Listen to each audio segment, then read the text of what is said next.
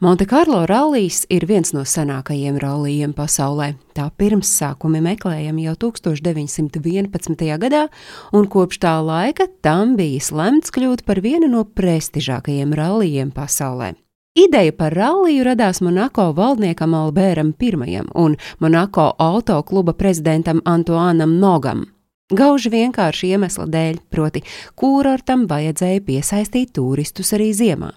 Ja vasarās te pulcējās bagātnieki, turisti un piedzīvojumu meklētāji, tad ziemā viss apstājās, kļuva tukšs un kluss, un tā rezultātā greznās viesnīcas, restorāni un spēļu zāles nīkuļoja, bez darba palika visi tie, kuru labklājību nodrošina turisti. Un tāpēc arī tika nolemts sarīkot grandiozu ziemas ralliju ar finišu Montekarlo. Sacensību formātu tā rīkotāji sākotnēji bija aizguvuši no tā laika velosipēdu sacensībām. Ar chronometru uzņem laiku, kurā dalībnieki no dažādiem punktiem sabrauc vienu vietu. Pirmais rallijs 1911. gada 21. janvārī sapulcēja 20 ekipāžu ar sēriju veida ražotiem spēkratiem, un tās startēja no sešām dažādām pilsētām Parīzes, Buloņas, Briseles, Berlīnes, Ženēvas un Vīnes.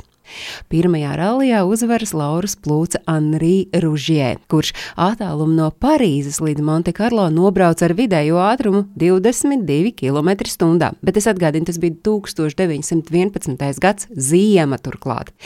Otrajā 1912. gada Montekarlo ziemas rallijā jau 88 ekipāžas piedalījās, un to vidū arī Rīgā izgatavotais Russo Balta C2440 modeļa automobīls. Ar to starp startēja krievu autosportists un žurnālists Andrēs Nāgels un līdzbraucējs Vadims Mihailovs.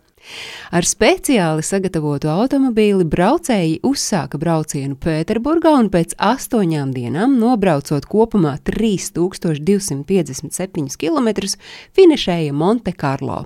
1912. gada rallijā no 82 pirmklasīgu firmu automobīļiem gan finišēja tikai 40 ekipāžas, un lielākajai daļai braucēju, kā vēlāk noskaidrojās, mērķi sasniegt neļāva vīžņi, kas veidojās benzīna bākās, un arī salās abiezējusī eļļa, jo brauciens notika gaisa temperatūrā mīnus 20 grādi pēc Celsija, bet sniega segas biezums toreiz sasniedza 50 centimetrus.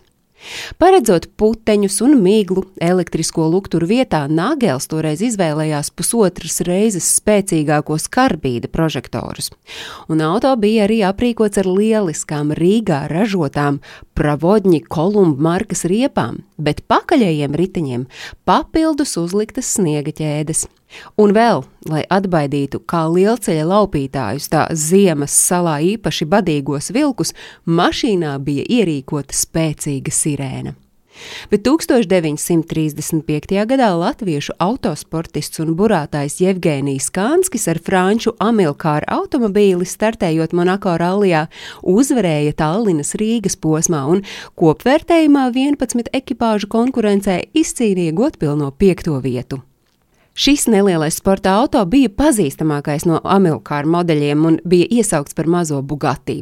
Starp citu, šis auto ir aplūkojams Rīgas motoru muzejā.